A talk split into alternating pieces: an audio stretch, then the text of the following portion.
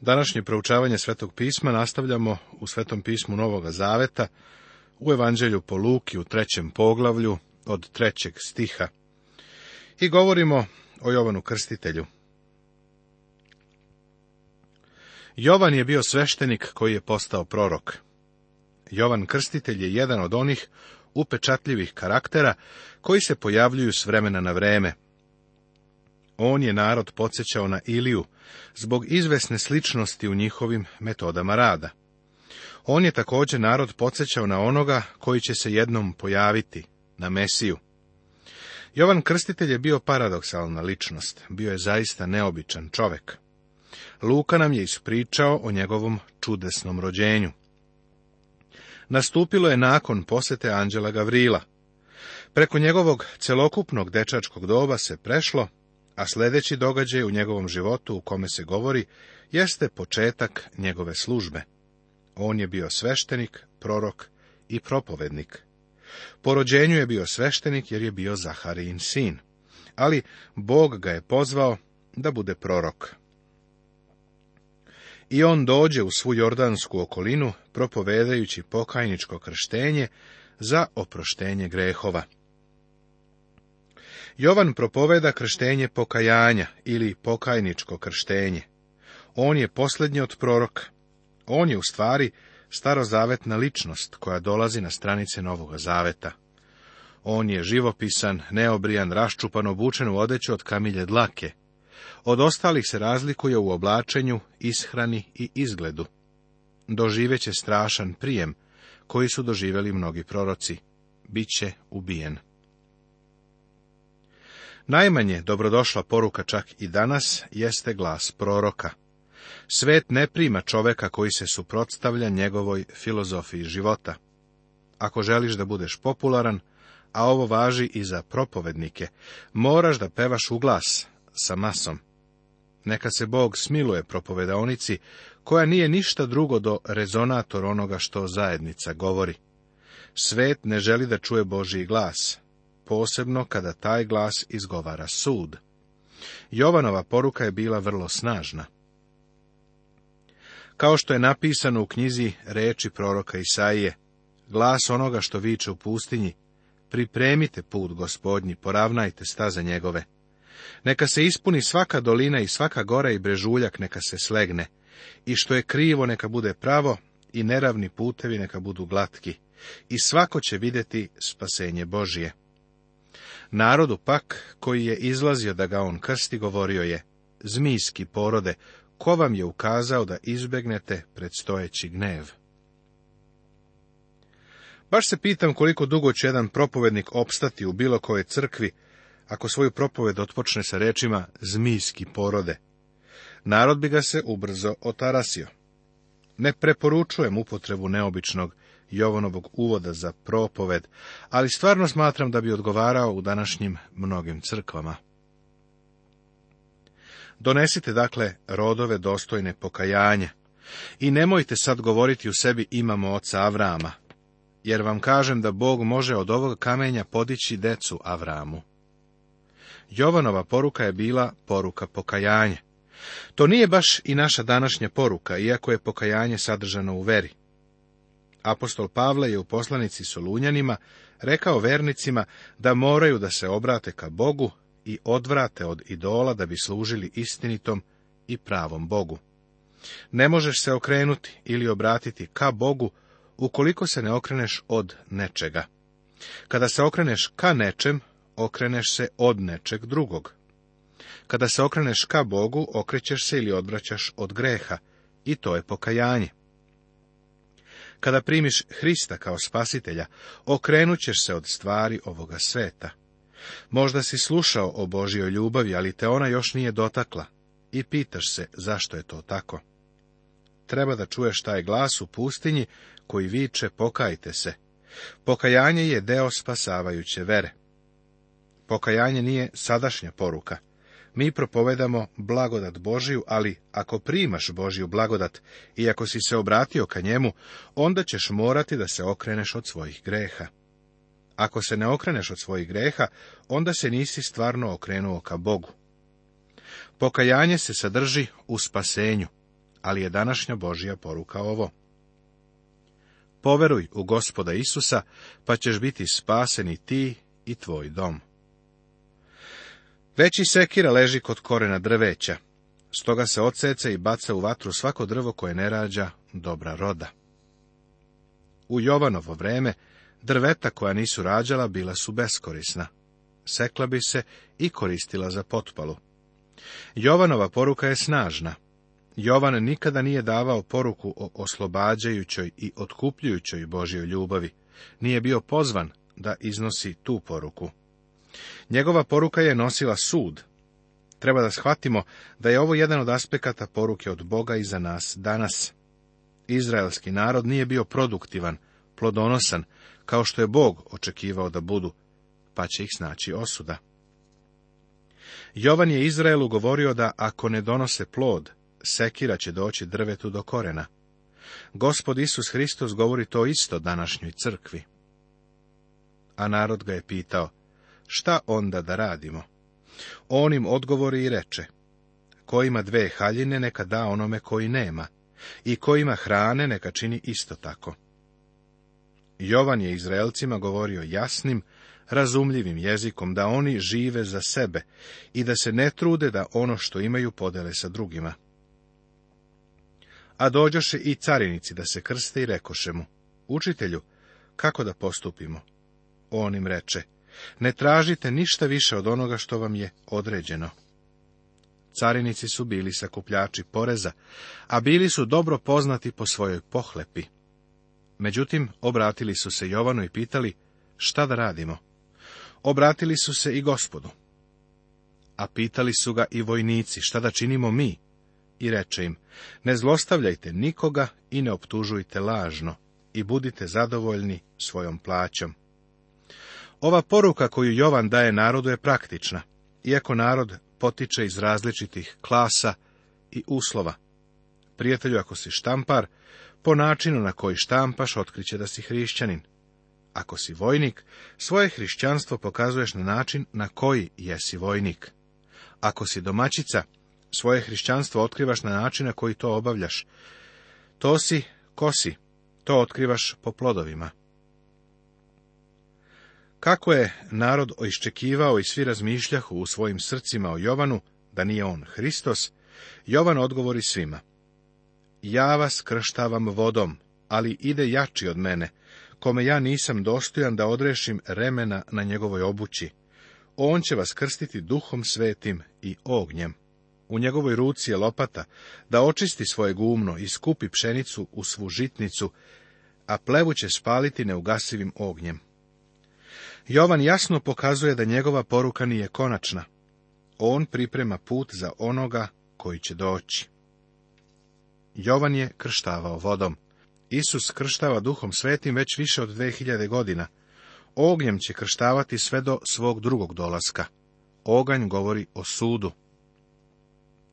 Neki ljudi misle da se ovo odnosi na dan Pentekosta, kada je sišao duh sveti, i kad su se na glavama okupljenih ljudi pojavili plamenovi. Međutim, važno je zapaziti da u delima piše kao da su od vatre. To znači nisu od vatre. Dolazak Svetoga Duha nije bio ispunjenje krštenja ognjem, jer krštenje ognjem se dešava tek pri drugom gospodnjem dolasku. A Irod četverovlasnik, koga je on ukorio zbog Irodijade, žene njegovog brata i za sva dela koje je Irod počinio, dodade na sve još i ovo, zatvori Jovana u tamnicu. Jovan je javno prekorevao Iroda jer je oženio Irodijadu, ženu svoga brata Filipa. Irodijada je zbog svega toga pobesnila, pa je zahtevala da se Jovan zatvori u tamnicu. Irod joj je ispunio želju, pa je Jovana uhapsio i zatvorio. Isusovo krštenje A kad se sav narod krstio, pa se krstio i Isus i molio Bogu, otvori se nebo. Te siđe duh sveti na njega u telesnom vidu kao golub, i ču se glas sa neba. Ti si moj ljubljeni sin, ti si po mojoj volji. Luka ne pokušava da da hronološki redosled događaja. Da je to činio, Isusovo krštenje bi zabeležio pre hapšenja Jovana Krstitelja. Tada je Isus kršten, objavilo se trojstvo. Sveti duh, koji je deo trojstva, ili trojice, spustio se na Isusa, a nebeski otac je progovorio sa neba. Marin Rodoslov Ostatak ovog poglavlja se bavi Marijinim, a ne Josifovim rodoslovom. Josifov rodoslov imamo u Matejevom evanđelju. Matejevo iznošenje rodoslova započinje sa Avramom i teče sve do gospoda Isusa Hrista, a preko Davida i Solomona. Legalna, dakle, zakonska titula za tron potiče od Josifa. Lukin rodoslov se razlikuje od ovoga. Dat je obrnutim redosledom u odnosnu na Matejev. Luka ide do Davida, a onda do Adama. Luka nam daje Marijinu istoriju, a to je njen rodoslov. Carska Davidova krv je tekla njenim venama, pa je i Isusova krvna veza sa tronom poticala i preko Marije. U vezi sa ovim rodoslovom treba zapaziti dve stvari. Prvo, doktor Luka jasno pokazuje da Josif nije bio otac gospoda Isusa Hrista. A on Isus imao je oko 30 godina kada je počeo i bio je, kako se mislilo, sin Josifov, Ilijev. Reč sin, kako je korišćena u rodoslovu, ne nalazi se u rukopisima. Josif nije bio Ilijin sin. Reč sin je dodata da ukaže na lozu, pleme, preko oca, odnosno čoveka koji je bio glava kuće. Drugim rečima, rodoslov je nabrajan prema imenima muškaraca. U Mateju, gde je dat Josifov rodoslov, piše da je Jakov rodio Josifa. Druga važna stvar koju treba zapaziti u 31. stihu je ovo. Melin, Manin, Matatin, Natanov, Davidov. Matej prati Isusovu lozu preko Davidovog sina Solomona. Ovo je carska loza. Luka prati Hrista preko Davidovog sina Natana. U Marijinim venama je tekla Davidova krv. Isus Hristos je bio Davidov sin, odnosno naslednik. Luka nam pokazuje Isusa Hrista kao sina čovečijeg i spasitelja sveta.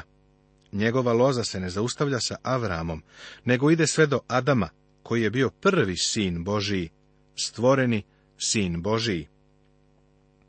Ali on je pao sa te visoke pozicije kada je zgrešio. Isus Hristos, posljednji Adam i sin Božiji, došao je da ponovo uspostavi vezu između ljudi i Boga, vezu i zajednicu koju je Adam preimao i izgubio. Ova zajednica se uspostavlja kroz veru u gospoda Isusa Hrista. Poglavlje četvrto Ovo poglavlje sadrži kušanje gospoda Isusa Hrista, njegov povratak u Galileju i Nazaret i odbacivanje u njegovom rodnom gradu. Ovde nalazimo kako on prelazi u Kafarnaum i kako nastavlja svoju službu. Isusa je Sotona kušao kao čoveka. Ovo su bila ljudska iskušenja, onakva kakva svako od nas ima. Ta iskušenja prekrivaju ceo spektar iskušavanja i trostruka su. Prvo, pretvaranje kamenja u hlebove da bi se zadovoljile potrebe tela. Nema ništa loše u hlebu. Hleb je životna namirnica. Telu je hleb potreban, a Isus je gladovao. Šta tu ne valja? Sebično bi bilo da je svoju veliku silu koristio za zadovoljenje svojih potreba.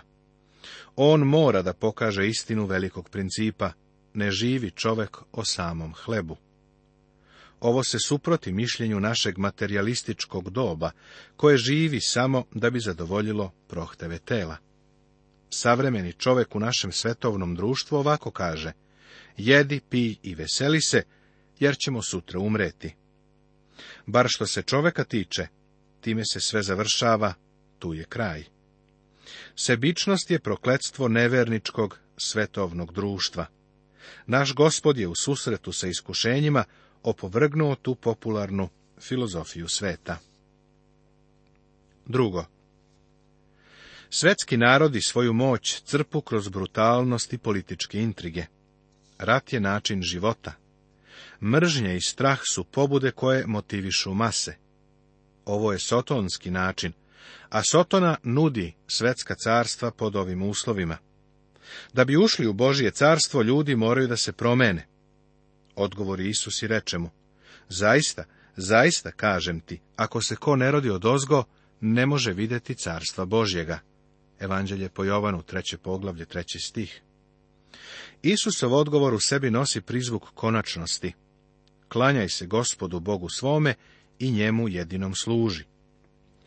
Zatim nam apostol Pavle kaže, mi do duše živimo u telu, ali se ne borimo kako telo hoće, jer oružje našeg vojevanja nije ljudsko, nego je silno u Bogu, da ruši utvrđenja, te rušimo mudrovanja i svako uzvišavanje koje se diže protiv bogopoznanja i zarobljavamo svaku misao za poslušnost Hristu.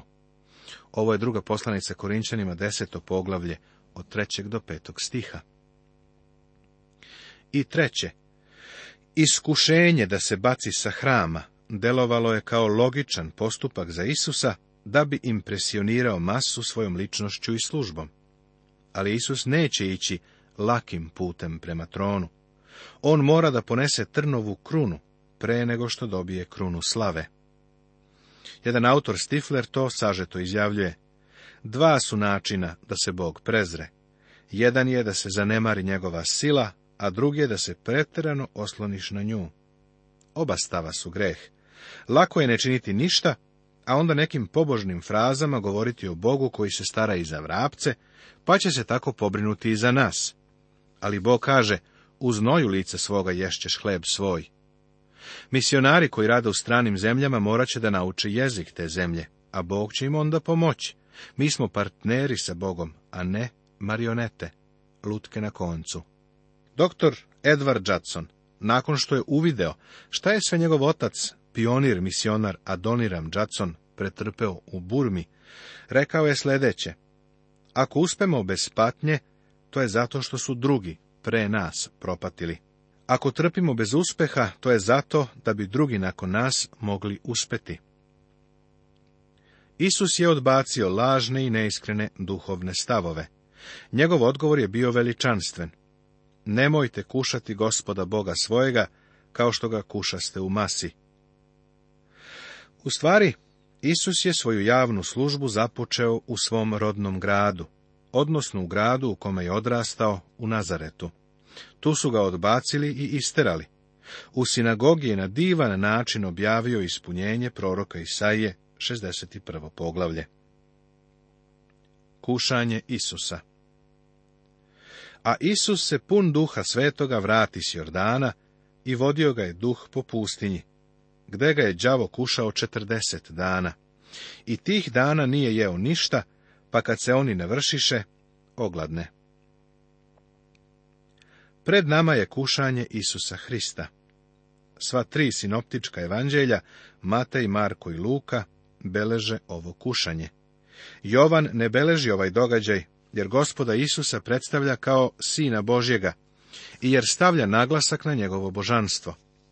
Sinoptička evanđelja ističu ljudsku prirodu gospoda Isusa. Isus je bio kušan kao čovek. U evanđelju po Luki on je i predstavljen kao sin čovečiji. Luka u 38. stihu kaže Sin Enosov, Sitov, Adamov, Božiji u trećem poglavlju. Ovo je njegov rodoslov po Mariji, koji prati Hristovu lozu sve do Adama. Pošto je Adamov sin, toga vraća na sam početak ljudskog roda, kome svi mi pripadamo. Kao ljudsko biće, on je uspio u svemu kušan, kao i mi, ali bez greha. U vezi sa gospodnjim kušanjem postoji strašna i tegobna tama koja je prosto grozna enigma. Moram da priznam da ne mogu da je objasnim, ali ću te odvesti do same ivice na kojoj ćemo, nadam se, nešto naučiti. Svuda oko njega bile su nevidljive, skrivene zle sile. Bio je okružen silama tame i uništenja. Borio se sa osnovnim problemima čovečanstva, koji su zemaljski, i za ljude je izvojevao pobedu. Izvojevao je pobedu za tebe i mene. Postoji nekoliko preliminarnih razmišljanja koja treba da imamo na umu dok posmatramo Isusovo kušanje. Znamo da je bio ispunjen svetim duhom. Kao čoveku, Božijem sinu je bilo potrebno da bude vođen duhom da bi se suočio sa iskušenjima. Prijatelju, sa iskušenjima ovoga sveta ni ja ne mogu da se suočim svojom snagom. U Rimljanima, u sedmom poglavlju, apostol Pavle kaže, želeći dakle da činim dobro, nalazim da za mene važi zakon da je zlo u meni, Zar nisi uvideo da je ovo istina? U Rimljanima u osmom poglavlju Pavle nastavlja, jer što zakon nije mogao zato što je zbog tela bio slab, učinio je Bog na taj način što je poslao svoga sina u obličju sličnom grešnom telu i za greh i osudio greh u telu, da bi se pravednost koju zakon zahteva ispunila na nama, koji ne živimo po telu, nego po duhu. Tako u poslanici Galatima u petom poglavlju Pavle zaključuje, nego velim, živite u duhu, pa nećete izvršiti požudu ploti. Potreban nam je duh sveti. U petoj knjizi Mojsijevoj Bog je rekao Izraelcima, i opominji se svega puta kojim te je vodio gospod Bog tvoj četrdeset godina po pustinji, da bi te namučio i iskušao, da se zna šta ti je u srcu, hoćeš li držati zapovesti njegove ili nećeš. Drugim rečima, Bog je kušao Izraelce. Bog nikada nikoga ne kuša zlom. Nastavit će se.